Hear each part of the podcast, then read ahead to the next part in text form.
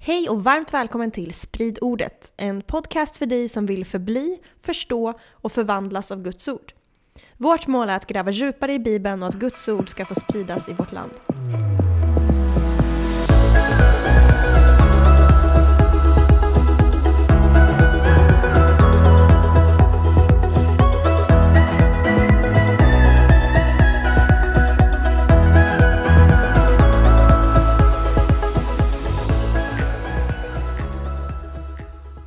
Gott och ont. Det är serien som vi är i just nu. Det är ett väldigt stort ämne skulle jag säga. Eh, förra gången så pratade vi om Babels torn. Jättekul att vi har fått så mycket positiv feedback av er. Det verkar vara ett spännande ämne när vi kopplar det till nutid på det sättet. Så jättekul att ni hör av er. Eh, vi pratade om att Babel symboliserar olika sätt att leva för sin egen ära. Medan det goda är att leva för Guds ära.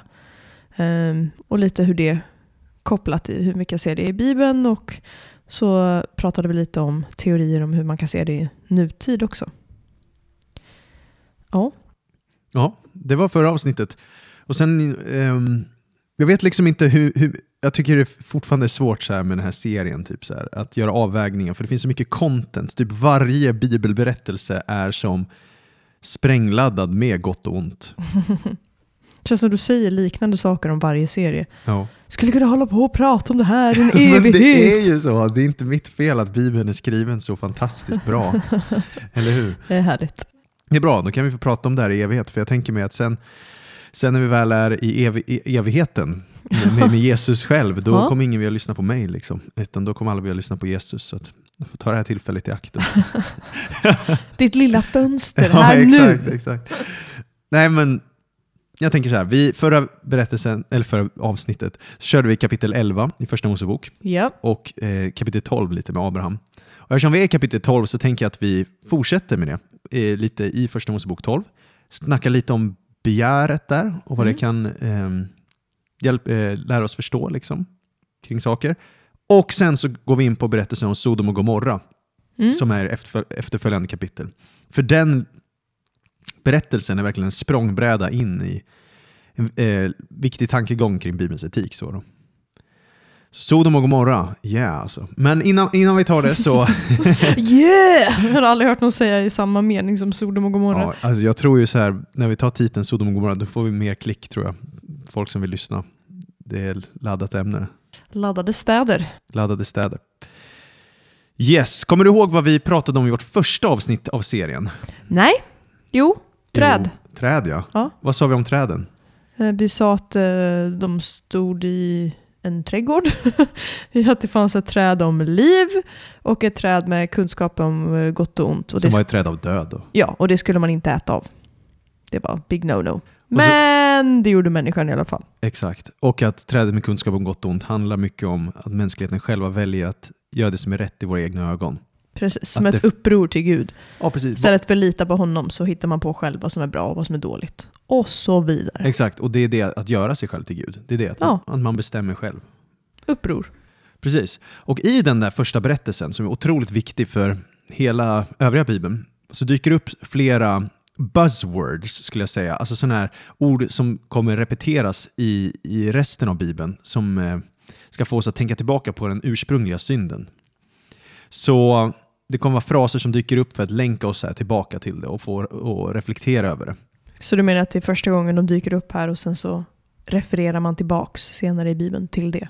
Genom att använda samma ord? Ja, bland annat. Och, eller teman eller tankar sådär. Och få, för att få oss att uh, jämföra. Och det, det blir lättare om vi visar hur det här går till då. Mm. Så om du läser första Mosebok 3 där, vers 6.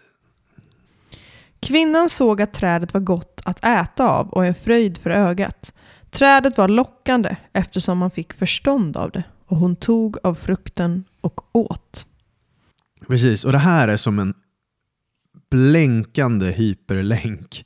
Eh, alltså som man bara vill klicka på för att föras vidare till olika berättelser i Du är Bibeln. Då. barn av din tid. Ja, absolut.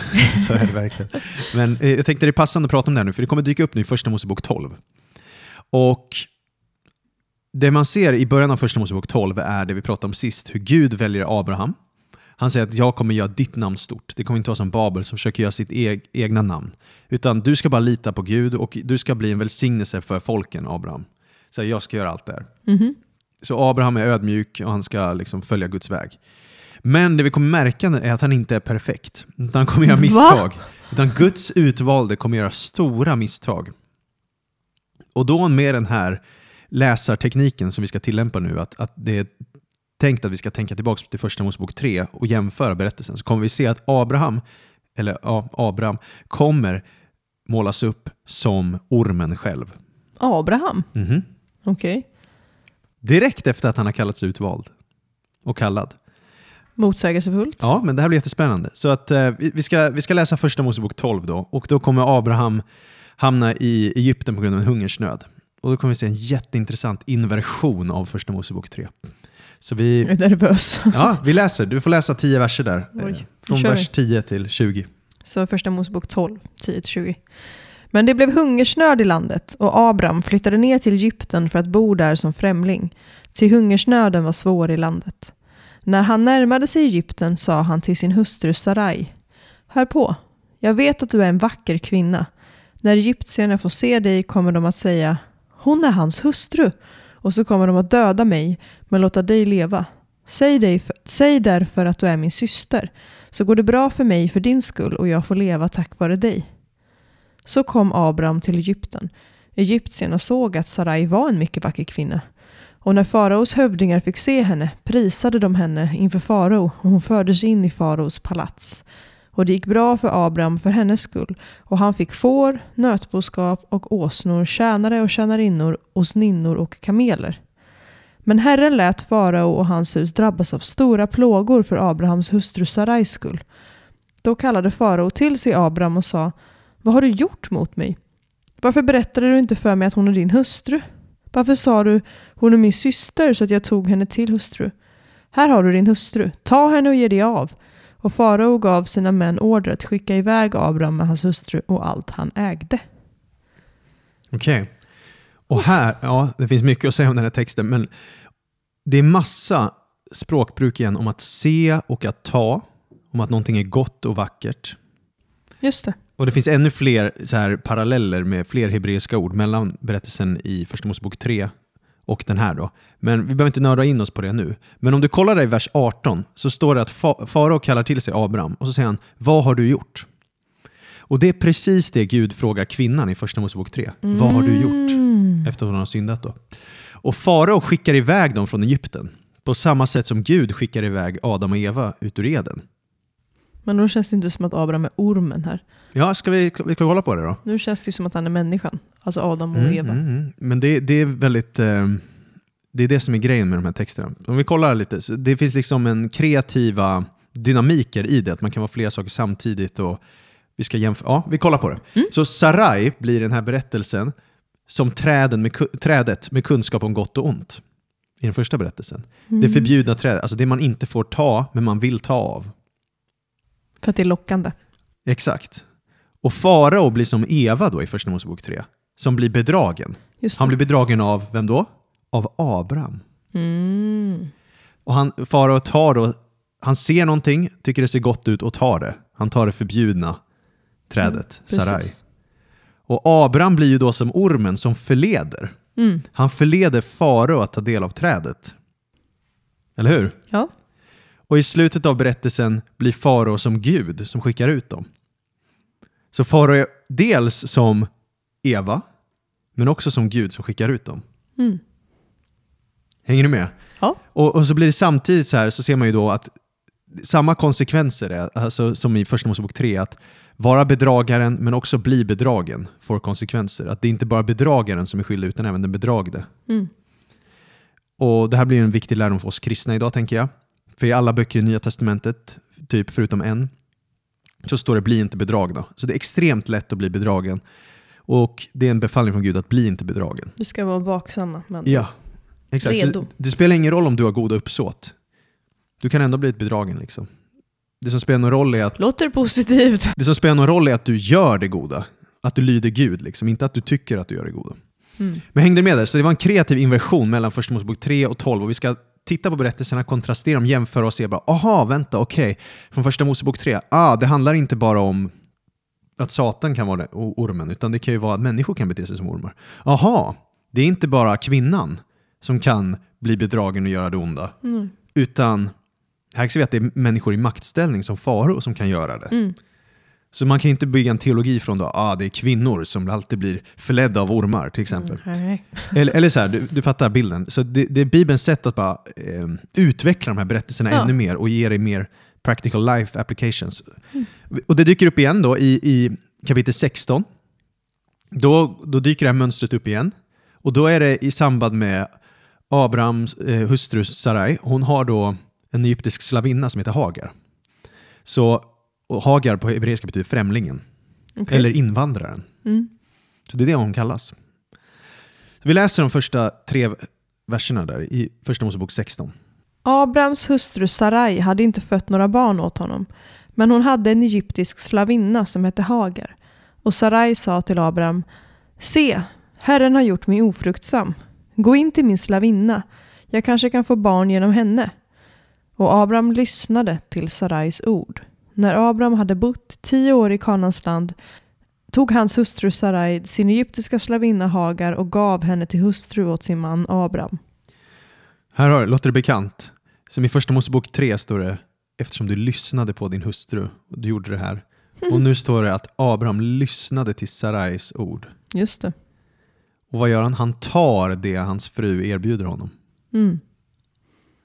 På samma sätt som det står att kvinnan tar frukten och ger till sin man. Så tar nu Sarai Hagar och ger till sin man. Så det är avgörande vad man lyssnar på först. Mm. Om vi går vidare i den berättelsen då, vers 4 till 6 där. Han gick in till Hagar och hon blev havande. Men när hon märkte att hon var havande började hon förakta sin husmor. Då sa Sarai till Abraham, den orätt jag utsätts för ska komma över dig. Jag la själv min slavinna i din famn. Men när hon märkte att hon var havande började hon förakta mig. Herren ska döma mellan mig och dig. Abraham sa till Sarai, se, din slavinna är i din hand. Gör med henne som du finner bäst. När då Sarai bestraffade henne flydde hon bort från henne. Här då, gör det du finner bäst. Eh, och Det är bokstavligt talat, gör det du finner bra i dina ögon.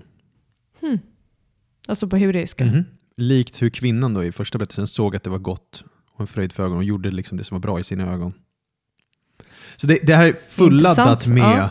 med eh, hy- hyperlänkar. Om vi tar några verser till. I vers 7 till 10. Men Herrens ängel fann henne, alltså eh, Hagar, eh, vid en vattenkälla i öknen, den källa som ligger vid vägen till Tjur. Han sa, Hagar, Sarais slavinna, varifrån kommer du och vart går du? Hon svarade, jag är på flykt ifrån min husmor Sarai. Då sa Herrens ängel till henne, gå tillbaka till din husmor, husmor och ödmjuka dig under henne. Herrens ängel sa vidare, jag ska göra dina efterkommande så talrika att man inte kan räkna dem. Här dyker upp igen, här dyker Herrens ängel upp, alltså Herren själv, och säger Var är du? Mm, Eller varifrån kommer du och vart går du? Och i första berättelsen Så frågar Adam och Eva. frågar Eller, Gud ja, Adam, och Eva. Var är ni? Var Eller är var är du? Var är du? Till Adam. Han frågar honom, var är du? Eh, och så finns det ännu fler så här ord om man går in på hebreiska. Men poängen här är ju då att det blir som i den här berättelsen blir som att Hagar är trädet med kunskap om gott och ont. Sarai är som Eva i första berättelsen. Abraham är som Adam. Eller hur? Och nu är det Sarai som driver ut Hagar orättfärdigt. Istället för som när Gud drev ut någon rättfärdigt. Hmm. Eller hur? Ja, det är på, det är fel, grund, det är på fel grunder. Det blir Yes. motsatsförhållande istället. Och vad händer då? Vad gör Gud då med Hagar? Han tar tillbaka henne. Han tar tillbaks henne. Han och liksom- välsignar henne. och han välsignar säger att hon ska henne. få jättemånga efterkommande. Så han åt, alltså, han tar det som människor har gjort fel, det onda människor har gjort och vänder det till något gott då. Han liksom restorar, eller vad ska jag säga? Very good swinglish. Ja, men du, det finns inget bra ord, restora, han återupprättar kanske, upprätt, ja, han återställer. Så, hänger du med? Det här är väldigt kreativt, är kraftfullt redskap hur man ska, kan läsa Bibeln. Och då ska man liksom kontrastera och jämföra med tidigare berättelser, sätta dem sida vid sida, ta reda på Mm. vad de betyder. Eh, och i det här fallet handlar det inte bara om att så här, skildra om det här hände faktiskt, utan det är också ett sätt att highlighta beteende, få oss att se ah, det här är författarens sätt att kritisera deras beteende. Mm. För att han jämför det med hur Adam och Eva gjorde eller hur... Mm. Hänger du med? Så Mm. det är så, istället för att författaren kommer in och skriver det de gjorde var fel, det här var dåligt eller bla bla bla, så är Bibeln ofta väldigt beskrivande. Och sen så kan den använda sådana här textfraser som ska få oss att tänka tillbaka på tidigare berättelser och säga aha, det här är något dåligt. Mm. Och det är spännande då när man börjar läsa de här berättelserna och börjar reflektera och meditera på dem, det är att börja att inse att du, alltså du själv, jag, kan vara Adam, men jag kan också vara Eva, eller jag kan vara ormen. Fantastiskt. Eller så kan jag bete mig som Gud också. ja. För det ser vi i de här berättelserna. Att jag har liksom kapaciteten att bete mig som vem som helst av de här. Mm. Fast det är Guds utvalda, fast de ingår i Guds plan. Och det är som att from moment to moment, liksom, oavsett stund, så är det jag som står inför ett dagligt beslut. Hur ska jag leva? Mm. Kommer jag göra det som är rätt i mina ögon? Ta någonting? Trädets frukt? Kommer jag förleda människor? Eller är jag själv bedragen? Och så vidare. Så det, det, det, Sp- Spännande liv. eller hur? det bjuder in till ett liv av ehm, Vaksamhet. vaksamhet och vad heter det egentligen? Sån här, när man kollar in i sig själv, typ introspection, vad heter det på svenska? Självrannsakan. Ja, självrannsakan, precis. Mm. Och när man börjar inse den här litterära genren, och det här dyker upp på jättemånga ställen, alltså just det här temat. Det dyker upp i Guldkalven, i berättelsen i Andra Mosebok 32, det dyker upp i Akan-berättelsen i Josua 67, det dyker upp i Samuel och Saul-berättelsen i Första Samuelsboken 8-10, det dyker upp i David och Batseba-berättelsen i Andra Samuelsboken 11-12. Och då när man börjar läsa de här texterna så börjar man Eh, och i det djupet och jämföra dem, då kommer man få en, liksom se dem ännu klarare och förstå vad texten vill förmedla ännu mer. Och Det här dyker ju också upp då i en lagtext i femte Mosebok 21. Och Det här har vi snabbt liksom refererat till några gånger i podden, men jag tänker att vi ska ändå läsa den igen, för det här kommer då, så vi kan läsa den här lagtexten och förstå vad den faktiskt förmedlar då i dess litterära kontext. Och Det här är då en lag i samband med krig när israeliterna kommer vara ute i krig. Liksom. Och vi har pratat mycket om de här lagarna tidigare, att de är, i vår serie Greppa GT, att lagarna som gavs till Israels folk var ju det var ju inte det 100% ideala, utan det är att han möter dem i det tillstånd de befinner sig där och då i kulturen, för att dra dem mot ett ideal och en riktning framåt i hur de ska leva. Liksom. Mm. Det är som en, en barnflicka som tar hand om dem och möter dem i deras barnastadie av moralisk utveckling för att föra dem vidare mot fullkomligheten som sen kommer bli det nya förbundet med Jesus Kristus. Mm. Men om vi läser den lagtexten då i femte Mosebok 21. Vers 10-13. När du drar ut i krig mot dina fiender och Herren din Gud ger dem i din hand så att du tar fångar och du bland fångarna får se en vacker kvinna som du fäster dig vid och vill ta till hustru. Så ska du föra henne in i ditt hus och hon ska raka sitt huvud och ansa sina naglar. Hon ska lägga av de kläder hon bar som fånge och hon ska bo i ditt hem och få sörja sin far och mor en månads tid. Därefter får du gå in till henne och bli hennes man och hon ska bli din hustru. Och då är det så här, en ganska svår lagtext egentligen när man Ja, läser den. Man bara, Det låter ju "Wow, vad är det?" förskräckligt. Det är typ sexslav. Ja men exakt, och, och det kan man ju tänka, men, men eh, om man läser dem med det här vi har haft i bakhuvudet så blir det som att vi ser här, mm, vänta, om du ser något som är vackert och tar det till dig, Det är något negativt. det är ju något negativt, det här är att Mm. du gör en synd. Så det är som att Gud vet att okej, de israeliterna kommer agera efter sina begär, göra de här grejerna. De är ju för dåligt skick. Exakt, och då kommer jag utifrån den situationen, då istället för att som andra kulturer gör, att de tar dem, våldtar dem och sen bara förkastar dem. Liksom. För då är de inte värda någonting längre. Typ. Mm. För de har tagit deras oskuld eller whatever. Liksom. Eh, Så hemskt. ja, verkligen fruktansvärt. Men då är det som att den här lagen blir då istället ett, ett, ett mycket mindre än ett idealt, men det är att han möter dem i den kulturen där de är för att dra dem mot idealet sen, och som är behandla människor med värdighet. Så då är det, okej, ni gör den här försyndelsen, men om det nu sker, då ska du ge henne en värdig sörjeprocess och sen så ska du eh, vara hennes man. Mm. Så det blir liksom, då måste du se till att du sen försörjer henne och tar hand om henne och visar omsorg för henne. Mm. Så det blir som en... Eh, Utifrån omständigheterna blir det i alla fall bättre för kvinnan än om de bara hade gjort vad de egentligen hade velat göra. Exakt. Men jag menar, om man inte hade haft de här eh, parallellhänvisningarna, intertextualiteten i bakhuvudet, alltså det här med se, och ta, och vacker. vackert, allt Ja. det då hade man ju bara läst det bara, aha, okej, så Gud befaller dem bara att gå och ta de här. Mm. Men egentligen, om man läser Bibeln som det ska vara, då är det, okej, Gud vill inte att man ska göra så här. Men om det nu mot förmodan sker så, Mm. under det här gamla förbundet, på det här sättet när de befinner sig i sin moraliska barnastadie, då får det bli på det här sättet. Lite Mm. som vi pratade, alltså det här är way back när vi gjorde serien Greppa GT, gick Ja, vi in precis. på med, kring lagar, men typ som att folk tycker idag att okej, vi behöver bli av med fossila bränslen. Men om vi gör det direkt så kommer systemkollaps. Mm. Den gröna omställningen liksom går inte att göra imorgon så här, puff. Utan det tar tid. På samma sätt är det här då, att han möter dem där och drar dem mot ett ideal. Liksom. Ja. Trappar ner på idiotin. ja, men ja, precis. precis. Eh, på något sätt. För att sen dra dem mot det nya förbundet då, med Jesus Kristus och idealen där. Mm. Eh, så det där var lite lärdomar kring begäret, läsa Bibeln, hy, eh, parallellhänvisningar, hyperlänkar som man kallar det, eh, för att låsa upp Bibeln lite mer. Yes. Och nu ska vi snacka om Sodom och Gomorra. Sodom och Gomorra som också handlar om gott och ont.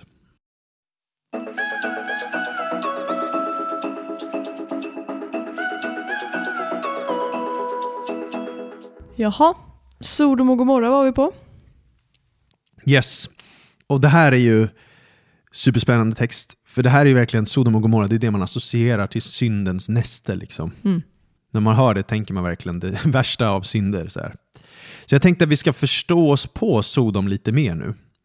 Och jag är bara ute efter vad texten lär här. Vad, vad lär Bibeln? Liksom? Inte vad, vad lär traditionen eller någonting, utan bara utifrån vi läser Bibeln. Och med också den här tekniken vi precis introducerade lite, att man Mm. hittar länkar från tidigare och jämför och kontrasterar. Och så här. Då kanske vi kan se någonting vi inte tidigare sett i berättelsen. Och så här. Men om vi tar en snabb recap då. Eh, vad Sodom och Gomorra handlar om. Ja. Så handlar det först om hur Lot, som är Abrahams brorson, och Abraham då, Lot och Abraham, de blir sjukt framgångsrika. De umgås tillsammans. Para. de tjänar pengar ja. Deras boskap växer så mycket så de behöver skilja sig åt De får inte plats. för att annars blir det så här twister, typ. de börjar bråka, de blir så stora. Liksom. Mm. Och då säger Abraham till Lot, välj vart du vill vara så tar jag den andra platsen. Och det är då vi kan läsa om Sodom för första gången. Och det här är i första Mosebok 13, 10 och framåt. Så om vi läser det Jenny. Lot lyfte blicken och såg hela Jordanslätten som överallt var vattenrik. Innan Herren fördärvade Sodom och Gomorra var det nämligen som en Herrens lustgård, som Egyptens land, ända till Soar. Och Lot utvalde åt sig hela Jordanslätten. Han bröt upp och drog österut, och de skildes från varandra. Abraham bodde kvar i Kanans land och Lot bodde i städerna på slätten och drog med sina tält ända, till, ända in mot Sodom. Men männen i Sodom var onda och mycket syndiga inför Herren. Okej, så här har vi återigen mönstret att röra sig österut, som vi pratade om tidigare. Att röra sig bort från Gud. Så här, i- Ja, för det betyder att röra sig bort från Gud. Exakt, i den här litterära text, kontexten. Men så ser vi då att Sodom här beskrivs som en Herrens lustgård, som en Herrens trädgård. Det var asnice. Alltså som Eden. För det är Eden som är Herrens lustgård. Men det är också intressant att han eh, jämför det med Egypten som ett superbördigt land. För jag tänker alltid att det bara är öken, för Mm. att det är det nu. Just det. Men eh, ja, Ja, får ja, tänka om annorlunda bilder Ja, när jag tänker verkligen, på verkligen. Egypten. Men då i alla fall så, där i Eden, och det här kommer vara jätterelevant sen, att Ed, det är som att vi ska tänka oss att Eden och Sodom är paralleller på något sätt. Du, du. Mm. Och sen så läser vi där då att vi ser att människorna i Sodom är onda och syndiga. Och sen några kapitel senare så kom, kommer Gud eh, besöka Abraham med två änglar och börja tala med honom. Och det går att läsa om i Första Mosebok 18 där han börjar prata om hur, hur det är så syndigt i Sodom och hur han vill förgöra det. Mm. Eh, och det ska vi också läsa för det här kommer vara relevant i att förstå den här storyn. Så vi läser Första Mosebok 18 från vers 16.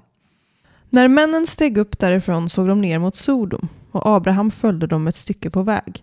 Då sa Herren, kan jag dölja för Abraham vad jag tänker göra? Av Abraham ska det bli ett stort och mäktigt folk och i honom ska alla folk på jorden bli välsignade. Ty jag har utvalt honom för att han ska befalla sina barn och efterkommande att hålla sig till Herrens väg och handla rättfärdigt och rätt så att Herren kan uppfylla sina löften till Abraham. Sedan sa Herren, ropet över Sodom och Gomorra är starkt och deras synd är mycket svår. Därför vill jag gå ner och se om de i allt har gjort efter det rop som har nått mig. Om det inte är så vill jag veta det. Männen vände sig därifrån och gick mot Sodom. Men Abraham stod kvar inför Herren och Abraham gick närmare och sa Vill du förgöra den rättfärdige tillsammans med den ogudaktige? Precis. Och sen då, nu börjar Abraham ha modet att börja argumentera med Gud. Han börjar vädja med Gud och säga att så här, om det finns 50 rättfärdiga i Sodom, skona då staden. Och så säger Herren, ja, om det finns 50 Absolut. rättfärdiga. Ja, absolut. Då säger Abraham, ja men kanske om det finns 40. Gud, absolut. Om det finns 30, absolut. Om det finns 20, absolut. Ja, bli inte sur på mig om jag säger det en gång till. Liksom. Om det finns 10, kan du inte skona den då? Och då säger Gud, för 10 skull ska jag inte fördärva staden. Mm. Men sen kommer det visa sig att det inte ens finns 10 rättfärdiga i staden. Utan det är typ bara Lot. Ja. Ja. Så det som händer sen är då att de här änglarna besöker staden. Och de tas emot av Lot. Det är två änglar som kommer och besöker staden. Tas Mhm. emot av Lot.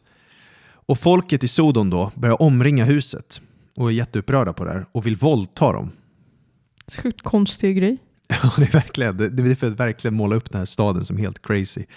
Eh, och, men männen då, som är änglar, de förblindar folket. Puff, och säger åt Lot att lämna staden med sin släkt, så här, för att Herren kommer fördärva staden. Eh, och då är det så att Lots svärsöner, de tror inte på honom. Så Lot får bara med sig sin fru och sina två döttrar. Det gäller att gifta sig rätt. Och sen så flyr de då och så förstörs staden. Och sen så ser sig Lots hustru om och så blir hon en saltstod. Det är typ storyn om Sodom och Gomorra i kondenserad form. Och hon blir en saltstod för att hon, de hade fått befallningen att inte vända sig om. Ja. kan ju inte bara droppa den där. ja. Och sen blev hon en saltstod. Nej, men det är bra att du... Det är ju därför du är med mig här i podden, eller hur Jenny? För att rätta dig. Ja, exakt så.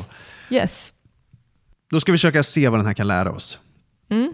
Och det är sjukt spännande. Magstark text. Mm, verkligen, det finns mycket att prata om.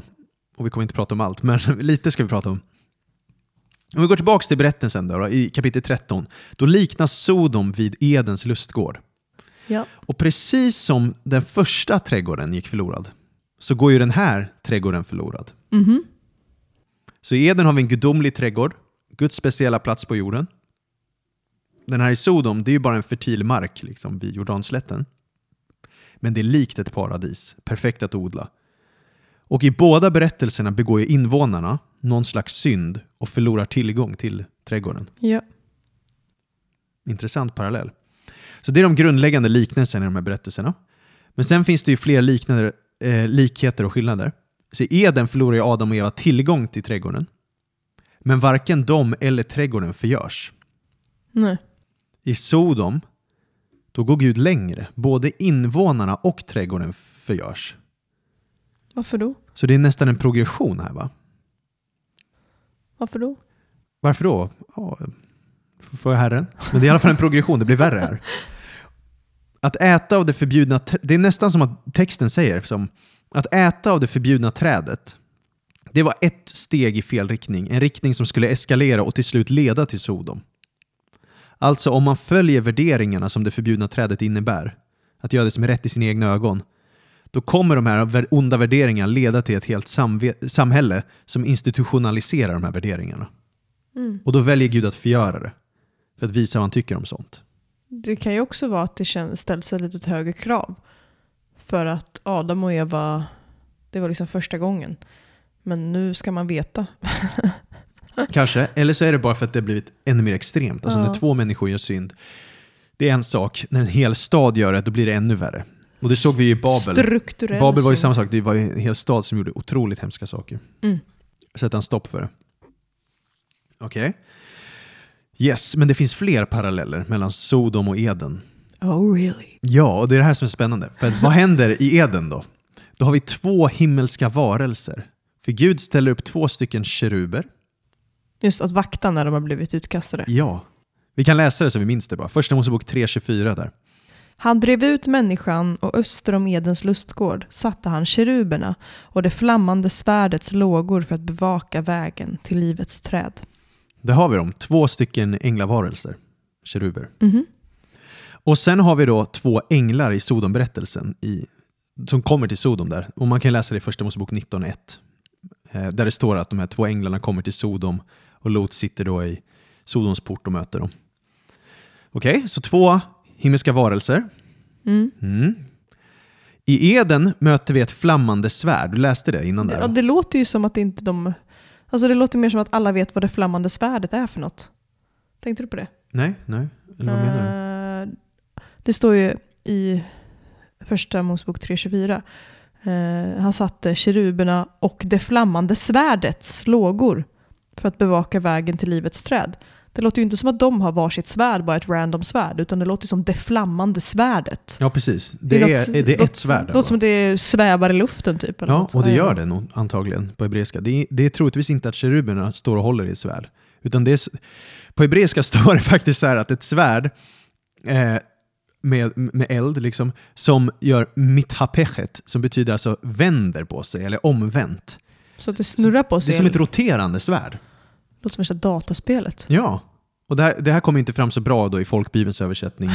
Och, kanske inte Bibel 2000 heller, där beskrivs det som ett ljungande svärd. Men här, är det, är det vet du det, i bestämd form i hebreiskan också? Vet du det? Svärdet, Ja. vi kan ju kolla direkt om, om det är viktigt för dig. Vi ska se. Nej men det låter ju som att det flammande svärdet, det låter som att det är någonting alla känner till.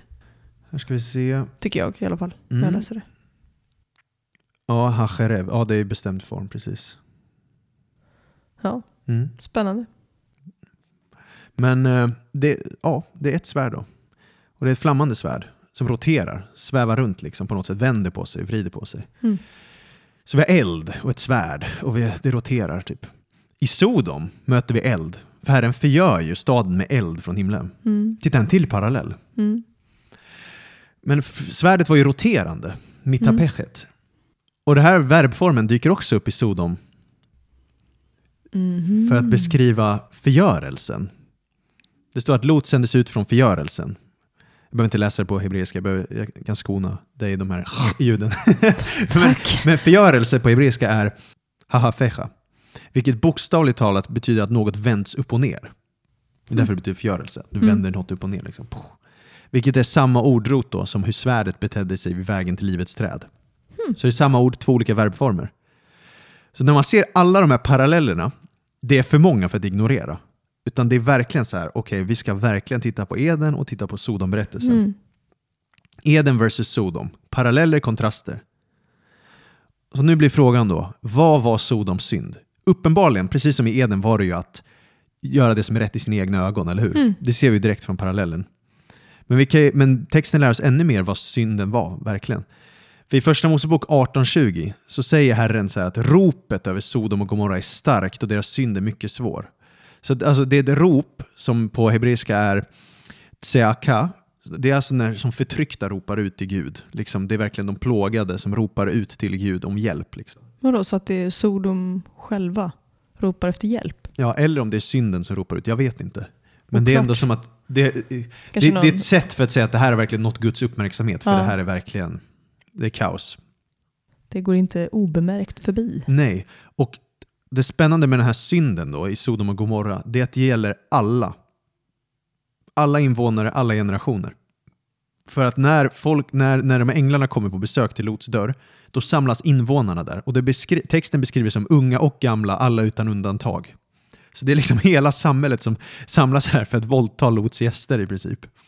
Det är jättekonstigt. Ja, Men det, det blir också alltså, tydligt utifrån eh, Abrahams eh, dealing with, eh, med Gud. Att han, så här, ja, men om det finns tio, mm. hade det då varit tio? Då hade, eller så här. Så Ja, det blir hade det tydligt att det är alla. Men jag funderar på hur de här änglarna såg ut. De beskrivs ju som män, Ja, men så de, de ser ut som människor. men de måste ju på något sätt, antingen kom det aldrig gäster dit Mm. och det är därför folk verkligen vill våldta dem. Mm. Men det står ju också, sa du någonting om att Lot såg dem och bugade för dem direkt i Mm. Ja, porten? just det, just det. Alltså det känns ju som att man ser att de är annorlunda. Mm. Och att det är därför folk vill våldta dem av någon Ja, anledning. kanske. Inte prata med dem, men... My, mycket möjligt Jenny, mycket möjligt. Och också då om parallellen är att det fanns två keruber. Mm. Keruber ser ju inte ut som människor. Nej, nej. Men de här ser ju säkert... De här beskrivs ju som män. Att det ser ut Precis. som män. Så att det är, Men de måste ju sett, Och Hebreerbrevet i Nya Testamentet pratar ju om att änglar, man kan få änglar på besök utan Precis. att man märker det. Men det låter ju som att de är annorlunda på något sätt. Eftersom alla vill åt dem. Ja, Eller, jo, jo, som ja, sagt, verkligen. Jätteintressant. eller att de aldrig har gäster i Sodom. Och Precis. därför alla vill Det kan ju träffa. faktiskt vara så att det, det är att Sodom är som ett gated community. Alltså där man liksom håller, sig, håller alla borta från sitt paradis. Man vill ha paradiset för sig själv. Eller att de, deras synd var så beryktad, alltså deras rop, Mm. syndens rop hördes överallt så att alla i närområdet visste att hit ska man inte gå. Precis. Men Lot kom ju inte därifrån så att han visste inte det. Även om det är viktigt att säga att Sodom är ju ett paradis för de som bor där. Hmm. I deras egna ögon. Ja. De upplever det som ett paradis. De, eller hur? Så det Ja. är det som är intressant. Ja, De flesta i alla fall. Men- intressanta tankar. Verkligen. Men det är också en intressant grej att Hesekiel, profeten Hesekiel, han utvecklar lite vad Sodoms synd var. Okej. Eh, han ger liksom en commentary på det här och utvecklar det hela. Och det är Hesekiel 16, där, 49-50. Se, detta var din syster Sodoms synd. Högmod, överflöd av mat och bekymmerslös säkerhet utmärkte henne och hennes döttrar. Och hon hjälpte inte den nödställde och fattige. De blev högfärdiga och gjorde sådant som var vidrigt för mig. Därför försköt jag dem när jag såg detta. Så Sodoms synd här är högmod, överflöd av mat, bekymmerlös säkerhet. Vad betyder det? Alltså högmod fattar mig, men överflöd av mat och bekymmerslös säkerhet. Det låter nästan som edenlikande, edenlika förhållanden. Alltså lite så här som Sverige, typ att vi har, eh, ja, inte längre, nu är det ju kaos i Sverige, mycket så här, ja, men, men liksom att vi inte haft krig på många år. Ja. Förstår du vad jag menar med det? Eller typ överflöd av mat. Liksom. Alltså det låter som edenlika förhållanden. Men varför är det en synd? För att troligtvis då, för det som händer sen är att bes- beskriver att de har det här, men, Men- de hjälper inte den nödställde och fattiga. Så det är någon form av eh, själviskhet och girighet. Och, Exakt, och högmod och Egot, stolthet och ja. egoism. Och det är ju det som blir grejen då. Och det där är intressant då att Edenomständigheter skapar Sodom. mm. All right? För ibland så tänker man så här, många tänker att om människan bara får en bra omständigheter blir allt bra. Mm. Om jag bara får perfekta omständigheter, om man bara får en bra uppväxt så kommer en människa bli en god människa. Mm. Men det är inte riktigt vad Bibeln säger. Att Nej. det är att du kan placeras i Eden och ändå kommer du synda och göra det som är rätt i dina egna ögon. Mm. Du kan vara i Sodom där det är fantastiskt. Liksom. Du har överflöd av mat, du har bekymmerslös säkerhet. Ja, och man tror liksom att man inte behöver Gud för att allt är praktiska, eller så här, Yes, det finns på plats. exakt. Och sen stod det där, förutom att det här att de verkligen, ja, de hjälper inte den nödställda och fattiga, liksom, utan det blir, de, tar hand om, de tar inte hand om de svaga i samhället helt enkelt, utan Mm. de fokuserar på sig själva, egoism. Så ser vi också där i sekel att han säger att de gjorde det som var vidrigt. På hebreiska är det toeva, som översätts styggelse, kan översättas till. Och det här antagligen, antagligen refererar till sexuella omoralen. Ja, den var ju inte så trevlig. Nej, det var inte trevligt. Och Judas brev i Nya Testamentet talar om den sexuella omoralen hos Sodom också. Ja. Ja. Så det här är liksom ett samhälle som lever i synd. Och, och det ser vi ju i Babel också, att man lever för sig själv eh, och inte för andra. Man ägnar sig åt sexuell omoral, man, man ger inte Gud äran. Mm. Det är ogudaktighet. Ja. Men, nu kommer det då. Vi har ju jämfört Eden här med Sodom. Mhm. Och då har ju David Foreman, då, teologen, rabbin, hjälpt mig att se det här nu. Det här är varför parallellerna är så tydliga mellan dem. Det är för att vi ska se en sak till. Okej. Det finns en parallell till mellan Eden och Sodom som kan hjälpa oss förstå ännu mer vad Sodom kan lära oss om, rätt, om det goda och det onda. Och det är att vi läste där i slutet av Edenberättelsen att keruberna eller änglarna, elden, svärdet, roterar allt där. Vad skulle de göra för någonting? De skulle se till att man inte kom tillbaks.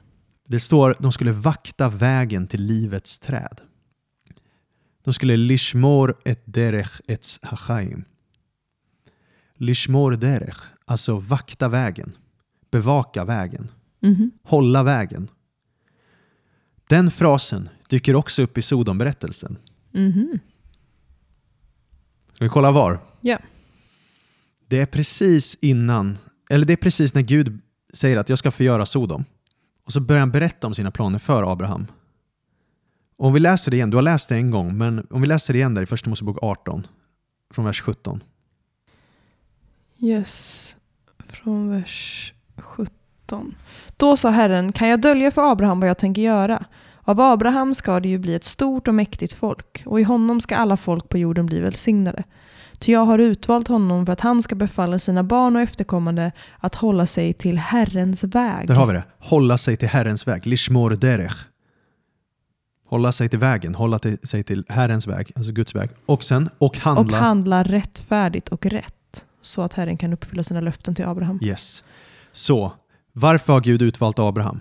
För att han och hans efterkommande ska hålla sig till vägen. Lishmor derech. Vaka över vägen, hålla sig till vägen.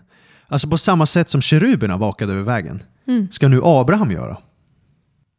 Så det Abraham ska göra och hans barn ska göra, hans familj ska göra, hela det här projektet, Gud har utvalt dem för att välsigna världen. Vad ska de göra? De ska vaka vägen genom att handla rättfärdigt och rätt. Att göra tzedek och mishpat Mm. på hebreiska. Alltså det som är rättfärdigt och det som är rättvist. Och det här är vägen till livet. Guds väg. Att leva i rättfärdighet och rättvisa. Rättfärdighet och rätt. Mm. Och det här är den sista liksom, pusselbiten för att hjälpa oss förstå Eden versus Sodom. För att det vi vill, ett gott samhälle Gud vill ha är ett samhälle med tzedek och mishpat. Och om man tänker sig ett gott, gud, gudfruktigt samhälle så innehåller det tzedek och mishpat. För att om man tänker sig vad man vill ha i ett samhälle som är liksom gudomligt, eller ska säga, som Gud bygger, det är rättvisa. Mm. Det finns lika villkor för alla. Det finns lika möjligheter för alla. Fuskare tolereras inte när rättvisan regerar. Mm. Eller hur? Men det räcker ju inte bara med regler och rättvisa för att ha ett bra samhälle. Rättvisa är inte nog för ett bra samhälle. Utan du behöver också göra det rätta. Rättfärdighet. Mm. Alltså när någon misslyckas. Eller när någon blir hemlös.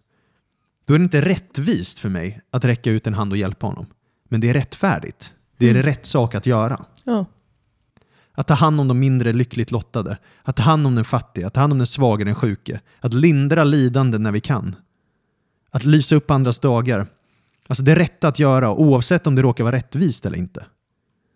Och då ser jag att varje liksom, gott samhälle, det goda samhället, behöver balansera de här värdena av tzedek och mishpat. Mm. Och det här Bible Project som är f- fantastisk liksom, vet du det, animationsstudio som gör jättekorta bra videos. Mm. De har gjort en video om det här som heter Justice på engelska. Där visar de upp samspelet mellan tzedek och mishpat. Det här är ju en av dina favoritvideos vet jag. Om, Mhm. Minns du? Du vet den här när Mm. de trycker ner varandra eller så här. Och så, det är väldigt, väldigt, nej, men, det låter som att jag tycker om när man trycker ner varandra. Det är en väldigt pedagogisk bild. ja, i filmen ja. Och den kommer ut på svenska också vet jag nu under 2023 här, under våren och sommaren. Så den vill jag bara peppa att se sen, för, för att se det här tzedek och mishpat. Mm. Men det blir som att den bibliska lärdomen här bakom Sodom och Gomorra, det är att Sodom hade inte rättfärdighet, de hade inte tzedek. De hade kanske inget rättfärdigt dom- domstolssystem. De skapade sina egna uppsättning regler. Men framförallt tog de inte hand om den svage och visade inte omsorg. Mm. Så samhället saknade rättfärdighet och därav dess undergång. Och Gud säger till Abraham då att hans folk, hans nation, det han skapar, det Gud skapar genom honom, för att bli framgångsrik kommer de behöva vandra på livets väg. Alltså tzedek och mishpat. Vakta vägen till Eden. Det blir som ordning och omsorg också. Inte bara omsorg, inte bara ordning, utan båda. Och Det här är ett tema genom hela Bibeln. Så den här frasen tzedek och mishpat, rättfärdighet och rätt eller rättfärdighet och rättvisa, det dyker upp överallt. liksom. Mm. Hänger de alltid ihop också? Ofta, Ja. inte alltid, men, men ofta. Och jag tänker vi kan kolla på ett exempel här, och hur, hur, varför det här är så starkt. Då. Det är att det här är verkligen vem Herren är. Om vi läser Jeremia 9, vers 23-24. Så säger Herren. Den vise ska inte berömma sig av sin vishet, den starke inte av sin styrka och den rike inte av sin rikedom. Den som vill berömma sig, han ska berömma sig av att han har insikt och känner mig, att jag är Herren som verkar med nåd, rätt och rättfärdighet på jorden, för i det har jag min glädje, säger Herren. Så du, en människa ska inte skryta liksom, om att jag är så vis, eller jag är så stark, eller jag har rikedom, jag, Nej. allt det här. Utan om du verkligen ska vara lyckligt lottad, om du verkligen ska skryta om något, det är att du känner Herren. Att du har en relation med Gud. Mm. I know that Guden. guy. Och vet du vad, vem Herren är? Det är någon som han, han lever med nåd, rättfärdighet och rätt. Alltså Mm. rättvisa. Mishpat och tzedek och chen, alltså nåd. Det är det, eller jag minns inte om det är chen nu i nåd eller om det är chesed. Ja, Nåd. samma. Det, det är nåd. Nåd. i alla fall. Det där är vem Herren är och han har glädje i det. Mm. Och om vi är hans folk så ska vi spegla det. Samma sak i Jeremia 22. Då pratar Herren liksom om en, om en eh, kung som var rättfärdig, Josia. Och då pratar han om hur han utövade rätt och rättfärdighet, tzedek och mishpat. Och då gick det honom väl. Han skaffade rätt åt den bedrövade och fattige och då gick allting väl. Mm. Är inte det att känna mig, säger Herren. Ah. Att känna Herren, den som känner Herren, den kommer visa upp de här karaktärsdragen av tzedek och Mm. mishpat. Den kommer ta hand om den bedrövade, den fattiga, den kommer ta hand om de svaga i samhället. Så man ser på ens beteende, eller vad man gör. om man känner Ja, precis. precis. Eller man borde i alla fall. Ja, men exakt. Av frukten känner man trädet, eller hur? Ja. Och lite det här då att, att känna Gud innebär att göra rättfärdighet och rättvisa. Det är kvaliteter som dyker upp gång på gång igen i Bibeln. Och att göra det är att imitera och reflektera Gud. Mm. Ah, Alltså ett, ett, eh, om man inte gör det har man ett Sodom. Sodom är ett samhälle som inte tar hand om den föräldralöse änka- änkan, den fattiga eller främlingen. Som är Bibelns terminologi på det hela. Eh, ett samhälle, Sodom är också ett samhälle som ägnar sig åt sexuell omoral. Ett samhälle som inte har rättvisa och ordning. Ett samhälle som lever själviskt och som gör det som är rätt i sina egna ögon. Ett samhälle som inte dyrkar Herren. Uppror. Ja, uppror. Kaos. Så det blir som att så här, ehm, de praktiska implikationerna är ju också verkligen bara om vi är Guds folk, då ska vi ta hand om de svaga Mm. och allt det här. Och Gud bryr sig om de fattiga, Gud står på de fattigas sida, allt det här. Eh, och de svaga i samhället. Men det ska jag också bara säga, Bibeln är väldigt tydlig med att det betyder inte att han blundar för deras synder. Gud blundar inte för de fattiga synder eller, eller den förtryckta synder. Och det här är jättetydligt i typ Jesaja 9. Jesaja 9, där, vers 14-17, vi behöver inte läsa det för att spara tid, men då pratar Jesaja om hur änkan och den faderlöse, alltså som bilder på de, de här svaga och fattiga, beskriver han hur de lever i synd. Att de gör det som är ont. Och de talar dårskap, de Mm. ägnar sig åt synd. Så här, och därför kommer Herren komma med dom. Så att man får inte frikort bara för att du är, säg, svag i samhället eller förtryckt eller någonting. Du blir fortfarande fullständigt ansvarig enligt Bibeln då för Mm. dina gärningar. Mm. Så det är inte bara så här, ja men du, du har det dåligt, dåligt ställt, därför så behandlar Gud dig mer partiskt. Nej. Det är inte vad Bibeln lär överhuvudtaget. Nej. Synd är alltid synd. Ja, Men han, eh, han står ändå på, på offrets sida liksom. Och vill att det ska vara rätt och rättfärdighet. ja exakt. Och nåd. Och nåd, ganska Yes. viktigt. Ja, amen, amen. Sen ska jag bara säga också en kort kommentar att mishpat och tzedek, det är inte superlätt översatt. Liksom. Eh, vi behöver inte gå in på ett ordstudie nu, men, men det, är, det är inte så enkelt att bara översätta det till rättfärdighet och rättvisa som vi säger på svenska. Men, men det, det innehåller de nyanserna liksom, och skildringarna, att, att göra det rätta, liksom, göra det goda. Jag tänkte vi kan bara läsa här också Jobb, Jobbs bok. Ja. Läs hela Jobbs bok, nej jag skojar. Ja. Jobb 29, för där beskriver han hur, hur Jobb utövade rätt och rättfärdighet, tzedek och mishpat. Så vi bara får en bild av vad det är för något att leva. För det är vi som kristna ska leva så här. Om vi läser där, vers 12-17. Ty jag räddade den fattige som ropade och den faderlöse som ingen hjälpare hade. Den döende välsignade mig. Änkans hjärta uppfyllde jag med jubel. I rättfärdighet klädde jag mig, den var min klädnad. Rättvisan var min mantel och huvudbonad. Jag var ögon åt den blinde och fötter åt den halte. Jag var en fader åt de nödställda och den okände sak redde jag ut. Jag krossade den orättfärdiges käkar och ryckte rovet undan hans tänder. Har du skrivit en sån text om dig själv någon gång? Nej, nej, nej. Men du ser ändå, det där är verkligen en man som kämpade för rättfärdighet. Mm. Och tycker jag är inspirerande. För då kommer vi också till Nya Testamentet, Jesus Kristus.